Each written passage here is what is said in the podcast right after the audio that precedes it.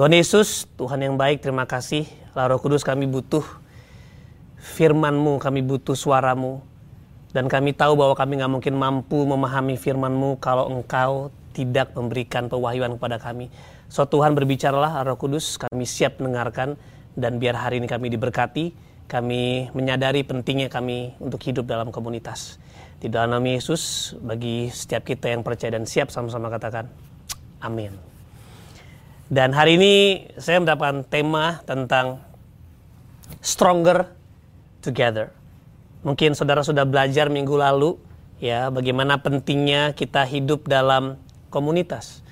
Nah, dalam Stronger Together pada hari ini, kenapa saya ingin bahas tentang ikat janji, tentang covenant. Karena kalau ngomongin Stronger Together, saya rasa kalau ngomongin di luar gereja sebagai uh, manusia biasa, kita semua bisa membangun sebuah hubungan. Kita semua bisa membangun sebuah ikatan ya komunitas. Tapi kalau dalam Kristus kita percaya bahwa kita punya sebuah ikat janji, sebuah hubungan yang gak sekedar together, tapi benar-benar diikat dalam sebuah ikatan yang kuat. Nah belajar dari uh, pohon ini ya, uh, sequoia ya, redwood. Saya belajar, saya melihat bahwa wow saya dulu SD ke mana aja nggak pernah belajar tentang pohon ini. saya lihat ini pohon yang luar biasa, ternyata cukup fenomenal dan dikatakan bahwa pohon ini hidup berdampingan. Dan yang menarik bahwa pohon ini bukan hanya berdampingan, tetapi sistem akar saling terjalin. Jadi sistem akarnya saling terjalin mengikat dengan akar pohon lain. Jadi mereka nggak sekedar bersama, tapi mereka mengikat. Ya mereka bertumbuh bukan bertumbuh sendiri, bertumbuh bersama, saling menjaga. Dan yang menarik juga mereka butuh api untuk berkembang biak. Mereka butuh panas api untuk membuka organ agar biji bisa membuntakan, agar biji bisa dibuntakan. Nah, kenapa covenant ini saya harus hubungan dengan api? Karena kalau kita memiliki hubungan yang dekat, ikat janji, pasti ada konflik. Justru konflik menandakan bahwa kita sedang bersatu. Ya, dalam hubungan Tuhan gak sekedar pengen kita bersama, sama kayak pernikahan Pernikahan bukan tentang menjadi sama, tapi tentang menjadi satu. Makanya di sini ada banyak perbedaan yang perlu disatukan. Nah, ini kalau kita mau ngomongin covenant community. Ya, kita adalah komunitas covenant yang diikat ya dengan sebuah ikatan yang kuat untuk bisa bertumbuh bersama. Coba kalau kita lihat ya, eh, Yesus datang untuk menawarkan sebuah hubungan covenant. Bukan sekedar friendship, bukan sekedar family tetapi covenant. Dan covenant yang Tuhan buat is very uh, mahal, ya sangat pricey. Kita lihat Yesus dia harus mati di kayu salib, dia harus menjadi manusia, so we can relate to him, supaya kita bisa ya bisa relate sama dia. Dia harus menanggung semua apa yang kita alami. Dia merasakan, dia imam besar yang turut merasakan. Why? Karena dia mau terhubung sama kita.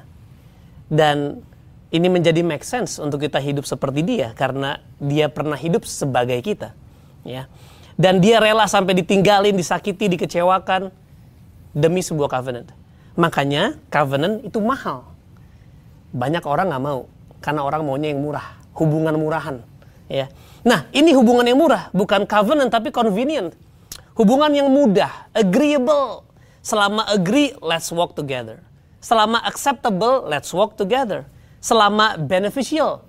Kalau menguntungkan boleh jalan, kalau sudah nggak menguntungkan sudah kita pisah. Atau comfortable. Atau suitable. Selama cocok sama saya, ya udah deh jalan. Kalau enggak, kita nggak usah jalan bareng. Cocok, saudara. Kalau ngomongin cocok, Yesus sama kita apa cocoknya? Satu yang sempurna, satu yang satu yang hina. Tapi dia bisa rela menjadi seperti kita. So we can connect with him. Supaya kita bisa terhubung dengan dia, bahkan menjadi seperti dia. Saudara, apakah kita orang-orang covenant? Atau kita orang-orang convenient? Dan biasanya manusia hanya berhubungan pada level convenient relationship. Hubungan yang memang paling mentok sebatas consumer. Selama itu menguntungkan buat saya, selama nyaman, ya saya mau berhubungan. Ya, no intention of commitment. Atau bahkan memang ini sebuah hubungan yang tidak didesain to grow. Jadi kalau kita mau ngomongin stronger together, kita bertumbuh bersama, saudara nggak bisa hidup dalam hubungan dalam level sekedar convenient. Tapi harus hubungan yang covenant. Saudara menggunakan segala cara dengan api yang membakar, tidak nyaman. Tapi saudara mau untuk bisa menjadi satu, untuk bertumbuh bersama. Tapi sedangkan covenant relationship is the idea of God. Ini idenya Tuhan yang dasarnya adalah kasih tanpa syarat. Nah, kalau kita mau bahas tentang covenant, covenant punya definisi ini seperti ini. A binding agreement that requires death. Mengerikan, ya. Banyak orang pengen nikah. Mereka lupa nikah sama dengan bunuh diri. Ya, mereka pikir nikah adalah supaya bahagia. Salah, Saudara. Ya, Nikah adalah supaya kita belajar mati akan diri kita sendiri. So we can apa? Meneruskan kepada generasi seterusnya. Nah sama juga itu kenapa Tuhan Yesus mengatakan bahwa beginilah ya rahasia yang besar antara suami dan istri. Yaitu antara Kristus dan jemaat. Dan sebagaimana Kristus mengasihi kita, dia juga pengen kita mengasihi satu sama lain. Dan ini membutuhkan yang namanya covenant relationship a binding agreement, sebuah perjanjian, ikat janji yang membutuhkan kematian. Saya saya suka sekali Saudara ayat dari Yohanes 12 ya. Yohanes 12 ayat yang ke-24. Kita percaya bahwa kita pengen stronger together ya. Kita pengen juga dibangun bersama menjadi lebih kuat. Tapi sebelum kita mau untuk bertumbuh bersama, kita harus mati bersama. Gereja adalah kumpulan orang-orang yang mati. Ya, kita belajar mati supaya kita bisa hidup. Karena kalau kita yang hidup, saya nggak bilang Kristus mati, tapi dia tidak akan membangun rumahnya. Ya, saya teringat Wahyu 3 ayat 20. Di situ Yesus mengetuk pintu. Artinya apa? Yesus di luar rumah kita sibuk di dalam rumah, meeting, rapat program. Yesusnya di luar. Padahal kalau kita izinkan Yesus di dalam dan membangun rumahnya, wow. Upon this rock I will build my church. Di atas batu karang ini, aku akan mendirikan jemaatku dan pintu alam maut tidak bisa menguasainya. Artinya ketika kita membangun sebuah hubungan dengan dasar covenant, di situ gereja akan terbangun. Ya, Yohanes 12 ayat 24. Aku berkata kepadamu sesungguhnya jikalau biji gandum tidak jatuh ke dalam tanah dan mati, ia tetap satu biji saja. Tetapi jika ia mati, ia akan menghasilkan banyak buah. Jadi kita lihat proses biji ini ketika dia ditanamkan ya. Minggu lalu saudara sudah belajar tentang ditanam. Dan hari kita belajar tentang stronger together. Di mana ketika ditanam dia terpecah. Ya, Kalau lihat pohon sekoya tadi dia harus dibakar oleh api mengalami rasa tersinggung, rasa nggak diperhatiin, rasa tidak dilayani, itu semua perasaan yang kita miliki sebagai satu komunitas. Tetapi kita memilih untuk stay, stay bersama karena kita ingin bertumbuh dalam hubungan ikat janji. Dan ketika biji itu mati, dia berubah, ya, dia berbuah dan akhirnya menghasilkan banyak buah. Kalau kita lihat prosesnya biji itu terpecah saudara, ada breakthrough di dalam. Ya, ada sebuah hal karena tekanan ya kalau kita belajar dari uh, ya, dia dia dia terbakar sampai itu ada organ yang tebal. Organ tebal itu terpecah sampai biji itu keluar. Dan akhirnya berbuah. Artinya saudara kalau kita mau bertumbuh bersama, kita harus mengizinkan orang lain melatih kita untuk mati. To die on ourselves supaya Kristus bisa hidup. Dan saya sudah berkali-kali saudara ya mati. Karena sering kali saya hidup, ego saya hidup, ya kesombongan saya hidup, kepentingan saya hidup, agenda saya hidup itu bisa muncul sewaktu-waktu saudara. Tapi bersyukur ketika kita memutuskan buat hidup bersama, bergandengan tangan untuk tetap stay ya dalam komunitas tersebut, dalam keluarga ini. Akhirnya saya mengizinkan setiap orang di sekitar saya untuk membuat saya mati. But it's good. Kenapa? Karena ketika saya mati, di situ Kristus hidup. Itu kenapa stronger together bicara tentang kita ditanam dalam sebuah ya tanah dan kita mengikat satu sama lain dan kita terpecahkan biji itu yang tadinya satu dia mati dan akhirnya menghasilkan banyak buah.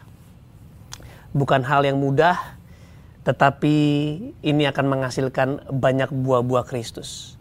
Nah, Saudara, saya mencoba untuk memberikan beberapa uh, langkah bagaimana supaya kita bisa mati ya untuk kita bisa stronger together dalam ikatan covenant atau ikat janji.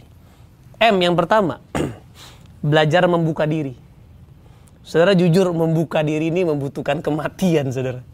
Dulu saya berpikir dengan saya menunjukkan kekuatan saya itu akan menghasilkan setiap anak-anak didik yang akan semakin kuat. Ternyata tidak. Semakin kita berusaha kuat, kita hanya akan menciptakan satu pengikut yang berusaha terlihat kuat tapi Alkitab mengatakan justru dalam kelemahan kuasanya sempurna. Banyak cerita dalam Alkitab, saudara. Ketika Yesus datang kepada perempuan Samaria, di situ perempuan Samaria punya banyak sekali topeng demi topeng keter, apa ya eh, ketertutupannya, karena dia merasa tidak layak. Banyak sekali masa lalunya yang nggak bisa dibanggakan sehingga dia harus hidup menyendiri. Tapi di situ Yesus harus bertemu dengan dia sampai satu waktu dia bertanya, engkau mau minum ini? Engkau haus? Iya. Dia tanya, di manakah suamimu? Apa hubungannya haus sama di mana suami? Saya percaya hidup dalam kepalsuan menghasilkan sebuah kehausan yang mendalam. Itu kenapa Yesus pengen untuk memberikan air kehidupan. Tetapi syaratnya perempuan ini harus membuka diri. Makanya Yesus mengekspos dan dikatakan betul katamu engkau nggak punya suami karena yang lima belakangan, ya, kau sudah menikah lima kali dan berpisah dan yang sekarang bukanlah suamimu. Dan dia baru mengatakan, betul engkau ternyata seorang nabi. Dan saya percaya saudara bahwa culture membuka diri ini itu penting untuk membuat kita belajar mati. Bahkan Yakobus 5 ayat 16 dikatakan, Hendaklah kamu saling mengaku dosa, saling ya jadi ini bicara juga tentang pemimpin, bukan hanya jemaat mengaku kepada pemimpin. Aku rasa pemimpin juga harus mengaku kepada jemaat or sesama pemimpin. Bagaimana kita mengakui kelemahan kita, ya. Hendaklah satu sama lain saling mengaku dosa dan saling mendoakan, maka kamu akan sembuh. A, yang kedua, akui kebutuhanmu untuk ditolong. Saudara saya nggak tahu, tapi belakangan saya mulai setuju dengan hal ini Orang Kristen itu sangat suka untuk membantu, tapi sulit minta bantuan. Khususnya di masa pandemik ini. Apa sulitnya untuk kita mengatakan saya butuh bantuan? Atau minimal saya butuh didoakan, saya nggak mampu, saya nggak kuat. Tetapi kita mungkin sudah terbangun mentalitas di mana kita harus uh, lebih baik memberi daripada menerima. Tapi justru saudara, ini membuktikan bahwa kita membutuhkan satu sama lain. Untuk kita dibangun sering kali Tuhan izinkan kita untuk menghadapi satu situasi yang mungkin stuck, mungkin berat, mungkin tidak ada jawaban, situasi tidak menentu. Dan akhirnya kita harus berkata kepada orang-orang yang mungkin kita pimpin, seseorang yang mungkin kelihatannya lebih lemah daripada kita. Dan ketika kita mengakui di situ ada kuasa Tuhan, saling mengaku dosa dan mendoakan, maka kamu akan sembuh. Bukan hanya mengakui dosa, tapi juga bisa mengakui kelemahan. Lalu yang T, temukan keberhargaan mereka di mata Tuhan. Saudara, ini membuat saudara pasti akan mati. Karena sangat mudah saudara untuk bisa melihat kesalahan orang lain. Sangat mudah untuk kita bisa melihat kekurangannya, kejelekannya, tetapi butuh matanya Tuhan untuk bisa melihat yang baik di tengah-tengah semua kegagalan. Saya teringat ketika Saulus menjadi Paulus, ya, ketika dia menjadi Saulus itu kan mereka e, banyak mengalami penganiayaan oleh uh, inisiasi daripada Saulus. Lalu Saulus bertobat, ya dia berjumpa dengan Yesus, dengan perjumpaan juga dengan Ananias. Satu waktu, Ya ketika ada penangkapan murid-murid Tuhan Yesus, dia kabur, dia pergi, dia lari. Sampai akhirnya Saulus mencoba menggabungkan diri kepada murid-muridnya. Saudara tahu nggak ketika dia mencoba menggabungkan kepada murid-muridnya, semua orang pada takut, semua rasul-rasul ini bukan orang biasa. Rasul-rasul takut karena tidak percaya bahwa Saulus juga murid Yesus. Dan yang menarik ada satu kalimat begini. Tetapi Barnabas tetapi Barnabas menerima dia dan mendengar kesaksian tentang Saulus dan menceritakan kepada murid-murid yang lain. Pertanyaannya, bagaimana kalau Saulus bohong? Bagaimana kalau cerita-cerita yang Saulus katakan tentang perjumpaan dengan Tuhan adalah hal yang bohong? Tetapi sama dengan namanya, Barnabas adalah son of encouragement. Anak yang suka membangun. Artinya apa? Melihat keberhargaan seseorang. Walaupun melihat kelemahannya, tapi tidak menjadikan kelemahan sebagai sesuatu yang harus diperhitungkan. Tetapi justru mengesampingkan dan mungkin membangunnya, tetapi tetap melihat keberhargaannya. Dan dia memilih untuk menerima Saulus dan menceritakan dengan semangat. Ini loh Saulus, dia bertemu dengan Kristus, dia menjadi murid-murid, bahkan dia berkhotbah dengan berani. Dan saya percaya saudara, 2 Korintus 5 ayat 19 bahwa Tuhan mendamaikan kita dengan dirinya tanpa mengingat atau memperhitungkan kesalahan. Kesalahan aja nggak diperhitungkan, apalagi perbedaan. Saudara, Yesus tidak memperhitungkan kesalahan. Bukan berarti kesalahan gak penting. Tapi dia mati buat kesalahan kita. Saudara, apalagi perbedaan. Saya percaya bahwa hari-hari ini kita sedang dituntut untuk bisa menjadi satu. Saudara saya tahu di sini saudara punya komunitas namanya Kesan. I really encourage you guys untuk join. Karena kalau sekedar di pertemuan besar, saudara nggak bisa mati. ya. Tapi kalau dalam pertemuan kecil, saudara mengizinkan kelemahan saudara terlihat.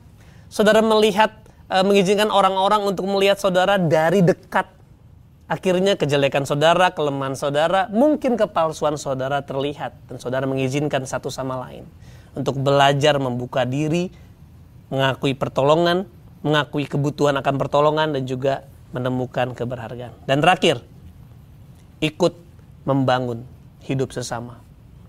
Bagaimana kita hidup bersama bukan sekedar mau dilayani, tapi ikut mempedulikan kebutuhan satu sama lain, sesama anggota kesan cari tahu apa yang bisa dibantu, apa yang bisa ditolong, dan mulai memberikan diri untuk bisa ikut membangun.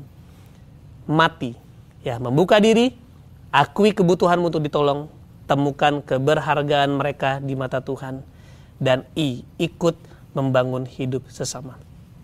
So saudara, we are the seed, dan ikat janji adalah tanahnya. Ketika benih itu ditanam di sebuah tanah, dia akan mati dan berbuah. We are the seed dan ikat janji adalah tanahnya. Nah, saya melanjutkan ke poin kedua, no covenant, no maturity. Ya, nggak ada ikat janji, tidak ada kedewasaan. Coba kita buka Galatia 4 ayat 1. Yang dimaksud ialah selama seorang ahli waris belum akil balik, sedikit pun ia tidak berbeda dengan seorang hamba. Sungguh pun ia adalah tuan dari segala sesuatu. Saudara, saya teringat bahwa Yesus pernah mengatakan ya melalui Paulus bahwa di dalam Kristus kita telah menerima segala berkat rohani di dalam surga. Tetapi sering kali berkat yang ada dalam diri kita tidak bisa termanifestasi karena sifat kita yang masih kanak-kanak. Makanya kita perlu untuk bergaul satu sama lain untuk kita bisa menjadi dewasa. Dan ternyata kedewasaan adalah salah satu tools yang terpenting untuk bisa membuat setiap karunia berkat Tuhan itu bisa termanifest dan bisa dikelola baik dengan kita. Saya punya empat orang anak saudara. Banyak ya, beli di Tokopedia diskon, cashback pakai OVO ya, langsung dapat babysitter ya. Saudara. Ada usaha ya, pasti ada usaha ya. Jadi anak saya tentu yang paling besar umur 12 tahun. Ya, dia pasti bertumbuh besar, ya semakin luar biasa saya percaya. Tapi walaupun anak saya mungkin saudara, ya saya rindu untuk bisa memberi anak saya mobil. Ya, tapi tentunya untuk anak saya bisa nyetir mobil ada dua hal yang harus dia miliki. Yang pertama SIM. Yang kedua kemampuan untuk bisa nyetir. Mungkin saya dari umur 16 tahun anak saya, saya sudah beliin mobil yang dia suka sebagai hadiah ulang tahun ke-16. Tapi saya bilang gini, nanti kalau kamu umur 17 tahun yang pertama, kamu udah punya SIM, yang kedua, kamu lulus kompetensi nyetir akan dedikasi.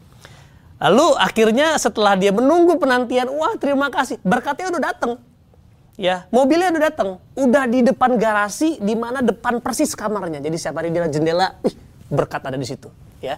Akhirnya 17 tahun. Ya, 17 tahun udah poin pertama. Dia harus ngapain? Ada ujian yang dia harus alami untuk apa? Bikin SIM. Ya, dulu sih saya zaman saya masih nembak dulu ya, tapi sekarang udah nggak bisa. Ya. Sekarang semuanya harus dengan tertib ya. Dan ketika dilakukan, anak saya nggak mau maunya instan, nggak mau latihan. Akhirnya anak saya nggak bisa nyetir.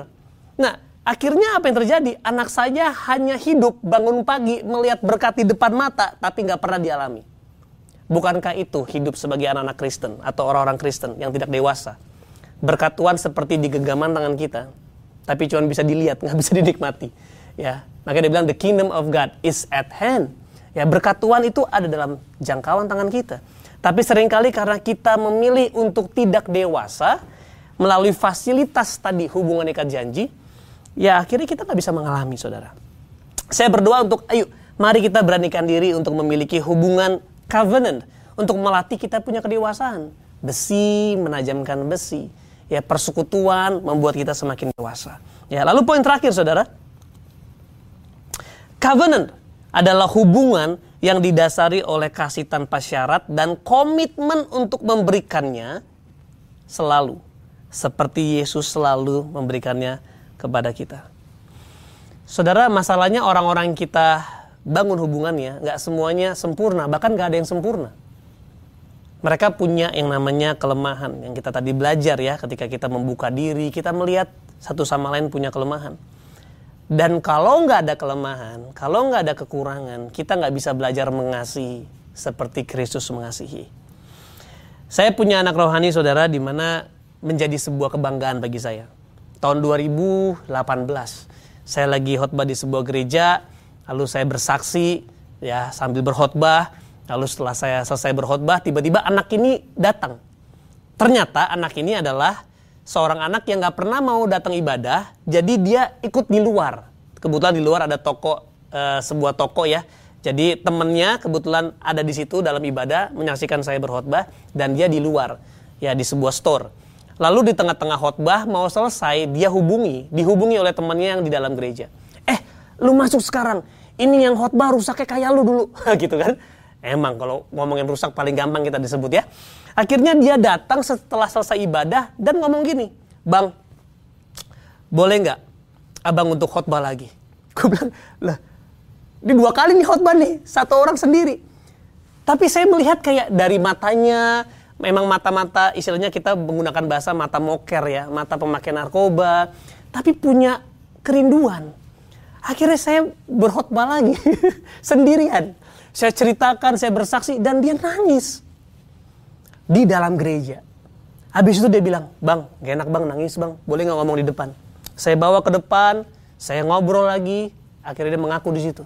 Bang, diambil dompetnya, dibuka, sampai hari ini bang saya masih ganja gorila.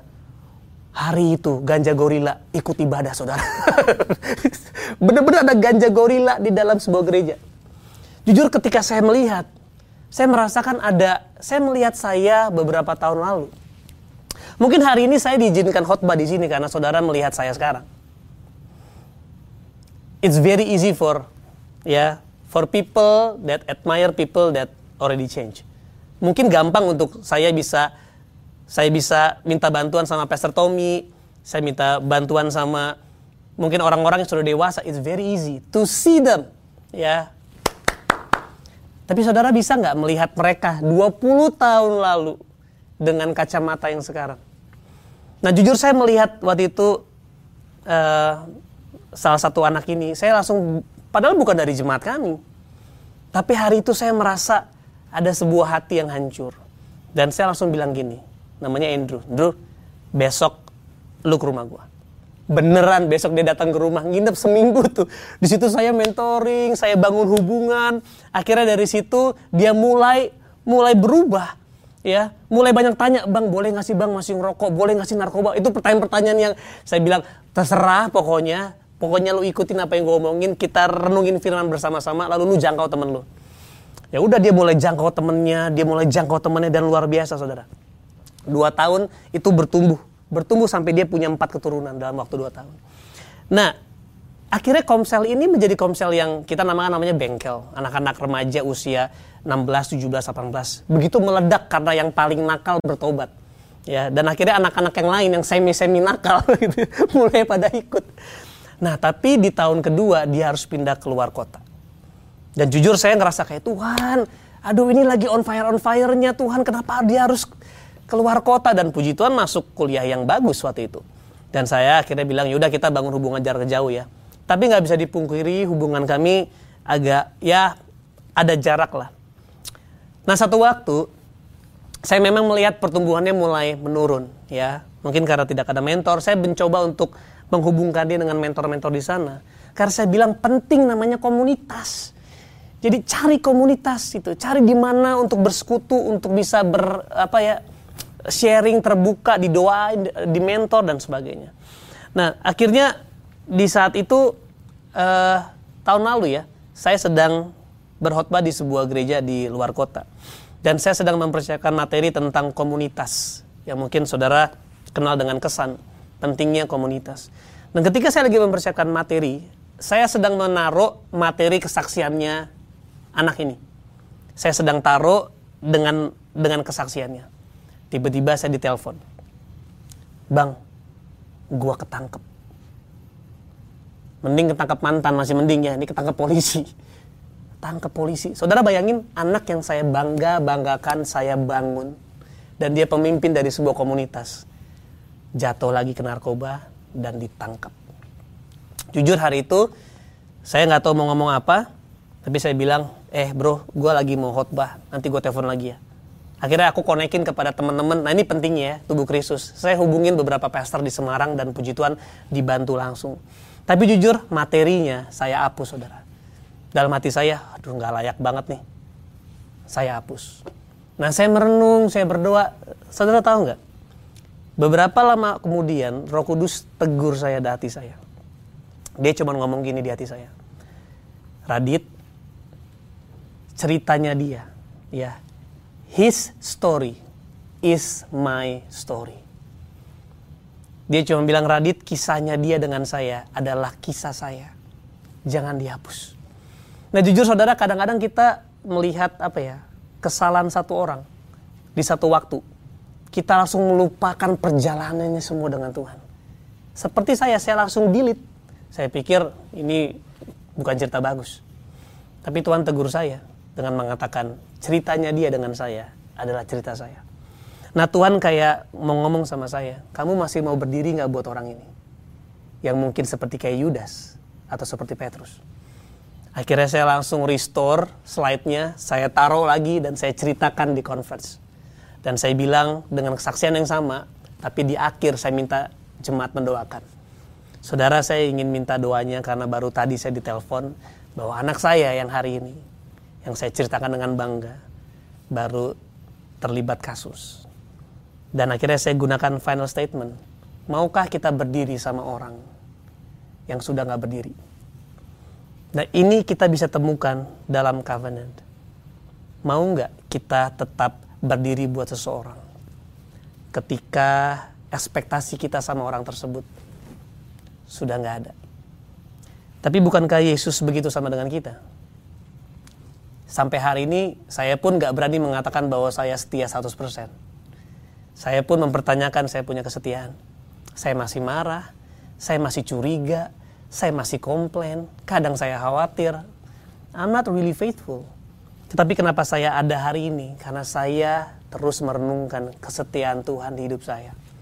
Dan itu yang memampukan saya untuk melihat segala sesuatu dari kacamatanya. Dan saya berdoa saudara, saya yakin mungkin di kesan dalam divisi teman-teman Bapak Ibu sekalian ada orang-orang yang memang mungkin gak sesuai dengan ekspektasi. Tapi Kita mau belajar dari Tuhan kita yang dahsyat. Bahwa dia yang menciptakan kita. Setia. Tetapi kita yang gak setia. Malah dia yang mati buat kita. Kalau Yesus mau melakukannya buat kita. Mau gak kita untuk berdiri. Dengan cinta yang sama. Buat sesama kita. Dan saya berdoa supaya betul-betul saudara tertanam banget dalam gereja ini, khususnya melalui kesan, dan mulai belajar terbuka. Mulai belajar kalau saudara ada yang nyebelin-nyebelin ini ya, coba tanya Tuhan, Tuhan bagaimana engkau melihat dia? Dan coba bangun kelemahannya, sementara kita fokus sama kekuatannya. Supaya kita bisa menerapkan ya, di mana kita mati, habis itu kita menjadi dewasa, dan juga kita bisa melihat segala sesuatu dari kacamata Tuhan yang penuh kasih. Kalau ini kita lakukan, saya percaya dari komunitas yang kecil mungkin akan menghasilkan orang-orang dengan hati yang besar. Amin saudara, mari kita berdoa. Bapak terima kasih buat hari ini. Terima kasih buat firman-Mu yang meneguhkan kami bahwa kami butuh satu sama lain untuk bisa bertumbuh bersama dengan ikat janji. Di mana dengan ikat janji ini kami bisa belajar mati bagi satu sama lain supaya Kristus itu hidup dari hidup kami dan kami belajar untuk menjadi dewasa melalui hubungan ikat janji. Besi menajamkan besi, ya manusia menajamkan sesamanya. Dan juga kami bisa belajar cinta kasihmu yang tidak melihat satu sama lain dari kelemahannya.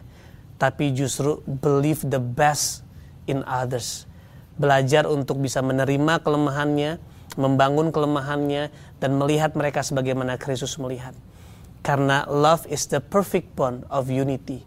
Kasih adalah ikatan yang sempurna yang menyatukan. Aku berdoa Tuhan biar dari gereja ini, dari setiap kesan yang ada yang sedang dikerjakan melalui gereja ini Tuhan bisa menghasilkan orang-orang yang luar biasa, orang-orang yang mahal, covenant people, bukan sekedar convenient people, orang-orang yang benar-benar hidup menyatakan kuasa dan kasih Tuhan. Terima kasih Tuhan Yesus, dikuduskan namamu, datanglah kerajaanmu dan jadilah kehendakmu di bumi seperti di sorga melalui hidup kami. Di dalam nama Yesus bagi siapa yang percaya, sama-sama kita katakan, amin. God bless you.